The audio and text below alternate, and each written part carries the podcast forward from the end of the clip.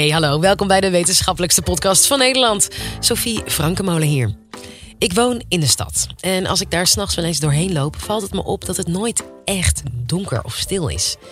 In de aflevering die je zo gaat horen, leer je dat duiven in de stad zich daardoor heel anders gedragen. Ecoloog Wouter Halfwerk van de Vrije Universiteit gaat het je allemaal uitleggen. Enjoy! Dit is de Universiteit van Nederland. Als je goed om je heen kijkt, dan zie en hoor je overal de invloed van mensen. Straatlantaarns, felverlichte kantoorgebouwen, bouwlawaai en voorbijrazende auto's. Vervelend voor ons, maar nog meer voor de natuur. Neem de zeeschildpad. Die legt haar eieren op het strand en begraaft ze in het zand. Als een klein babyschildpadje uit het ei kruipt, weet hij of zij nog niks van de wereld. Maar om te overleven is het belangrijk dat de schildpad zo snel mogelijk naar de zee kruipt. Instinctief gaat de baby op het licht af. Normaal is dat de zee, waar het meeste licht van de maan en sterren reflecteert. Maar wat nou als er pal naast het strand een lantaarnpaal staat? Dan kruipt zo'n schildpad eerst die kant op en wordt dan misschien overreden of opgegeten door een roofdier. Dit is een typisch voorbeeld van misleiding door lichtvervuiling. De babyschildpad wordt misleid door de menselijke lichtbron, de lantaarnpaal, en kruipt naar de verkeerde kant. Alle dieren gebruiken hun zintuigen om belangrijke informatie uit de omgeving te halen. Bijvoorbeeld om te weten waar het beste voedsel is, of er misschien roofdieren in de buurt zijn, of wie hun ideale sekspartner is. Verstoring van zintuigen, bijvoorbeeld door kunstlicht, kan het dieren dus heel lastig maken. Maar niet alleen licht kan dieren misleiden, ook geluid doet dat soms. Orka's communiceren bijvoorbeeld met elkaar via ultrasone fluittonen, die erg op het geluid van bepaalde militaire sonar kunnen lijken. De orka's gebruiken deze geluiden om elkaar te kunnen vinden. Maar soms gaat het mis en worden orka's aangetrokken door sonar van militaire boten en zo dus misleid door het onnatuurlijke geluid dat wij als mensen produceren. Misleiding is helaas niet het enige waarmee we het dieren lastig maken. Ze hebben namelijk ook te maken met zogenoemde maskering. Dat betekent simpel gezegd dat door al het geluid dat wij mensen maken, dieren elkaar niet meer kunnen horen. Neem bijvoorbeeld uilen, die afgaan op het geritsel van muizen. Als er veel verkeerslawaai is, kan de uil zijn prooi niet meer vinden. De derde vorm van verstoring is afleiden. Stel je nu even voor dat je probeert te leren voor een lastig tentamen. Als de buurman dan besluit zijn badkamer te verbouwen met veel lawaai, heb jij waarschijnlijk veel moeite je te concentreren. Voor vogels geldt dat net zo. Zo hebben we een experiment gedaan waarbij we vogels lieten zoeken naar visueel gecamoufleerde prooien. Nachtvlinders die heel erg op hun achtergrond lijken. Als de vogels vervolgens heel erg worden blootgesteld aan lawaai, dan hebben ze meer moeite hun prooi te vinden. Dat komt doordat het lawaai ze afleidt van deze moeilijke taak. Maar zijn de gevolgen van ons menselijk handelen altijd negatief voor dieren?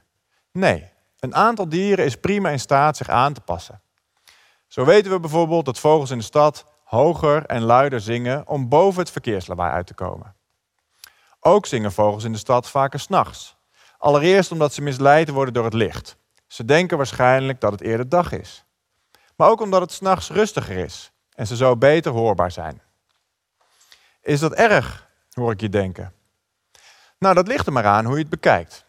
Er zijn studies die laten zien dat als vogels vroeger zingen, ze meer buitenechtelijke partners aantrekken.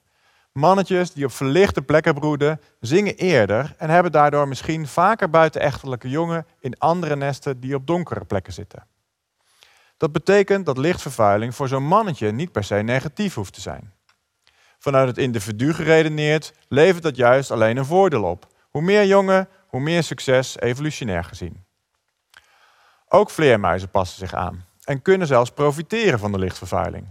Insecten raken misleid door licht, net als de babyschildpad. Vleermuizen maken daar handig gebruik van door rondom straatlantaarns op zoek te gaan naar hun prooi. Soms brengt menselijke invloed dus best een voordeel met zich mee voor een dier. In ieder geval voor het individu. Maar in de meeste gevallen is het nadelig. Misschien heb je de foto's wel eens gezien. Honderden of zelfs duizenden dode vogels rondom het 9-11 Memorial in New York. Vogels worden namelijk aangetrokken door de verlichting van grote gebouwen en vuurtorens. Omdat ze proberen te navigeren op de sterren en het aardmagnetisch veld. Maar in plaats daarvan gaan ze in de richting van het licht van het memorial en blijven daar rondjes vliegen.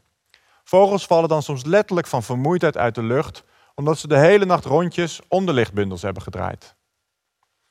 En zelfs als het voor het individu goed is, zoals bij de vleermuis die profiteert van de straatlantaarns, dan wil dat niet zeggen dat het goed is voor de biodiversiteit. Vooral insecten die erg worden aangetrokken door kunstlicht verdwijnen en je houdt daardoor nog maar een paar soorten over. Dat is zelfs voor de vleermuis op lange termijn niet goed. Oké, het is duidelijk dat wij met onze menselijke bouwwerken en activiteiten grote invloed hebben op dieren. En ook op mensen heeft al dat licht- en lawaai-effect. Hoe kunnen we dat tegengaan? Een voor de hand liggende oplossing is verminderen. Licht uit, minder lawaai. Eigenlijk moeten we simpelweg verspilling tegengaan. Niet alleen licht dat onnodig aan is, maar ook geluid is vaak verspilling. Je wilt dat een apparaat zijn werk doet, niet dat het vervelend geluid maakt. Want aan dat geluid gaat ook energie verloren. En wanneer we verspilling tegengaan, verstoren we automatisch ook de natuur minder. Een aantal van die oplossingen zien we al. Delen van de nacht gaat op sommige plekken de verlichting uit bijvoorbeeld. En straatlantaarns zijn steeds lager, zodat dieren er minder naartoe worden getrokken.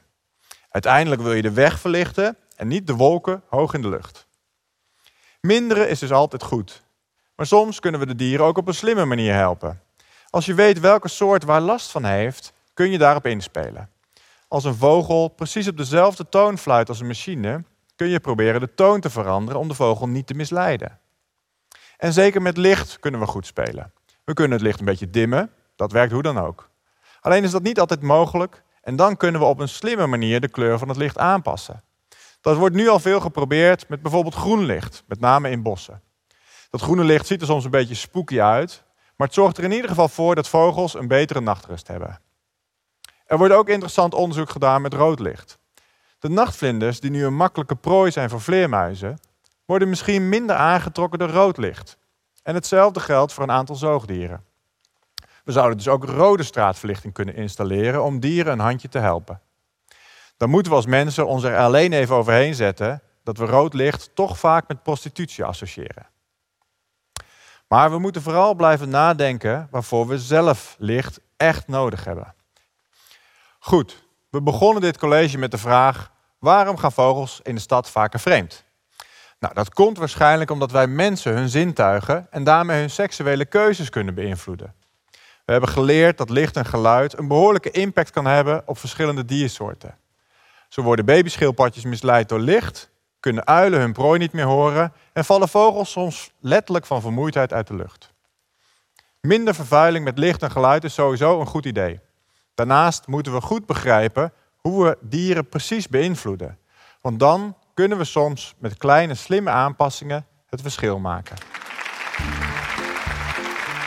Je hoorde Wouter Halfwerk. Luister vooral nog even verder met een van onze 400 andere afleveringen. Voor nu zeg ik tabé, maar volgende keer ben ik er gewoon weer. Dan hebben we het over waarom niet alle moeders op een roze wolk leven. Tot dan.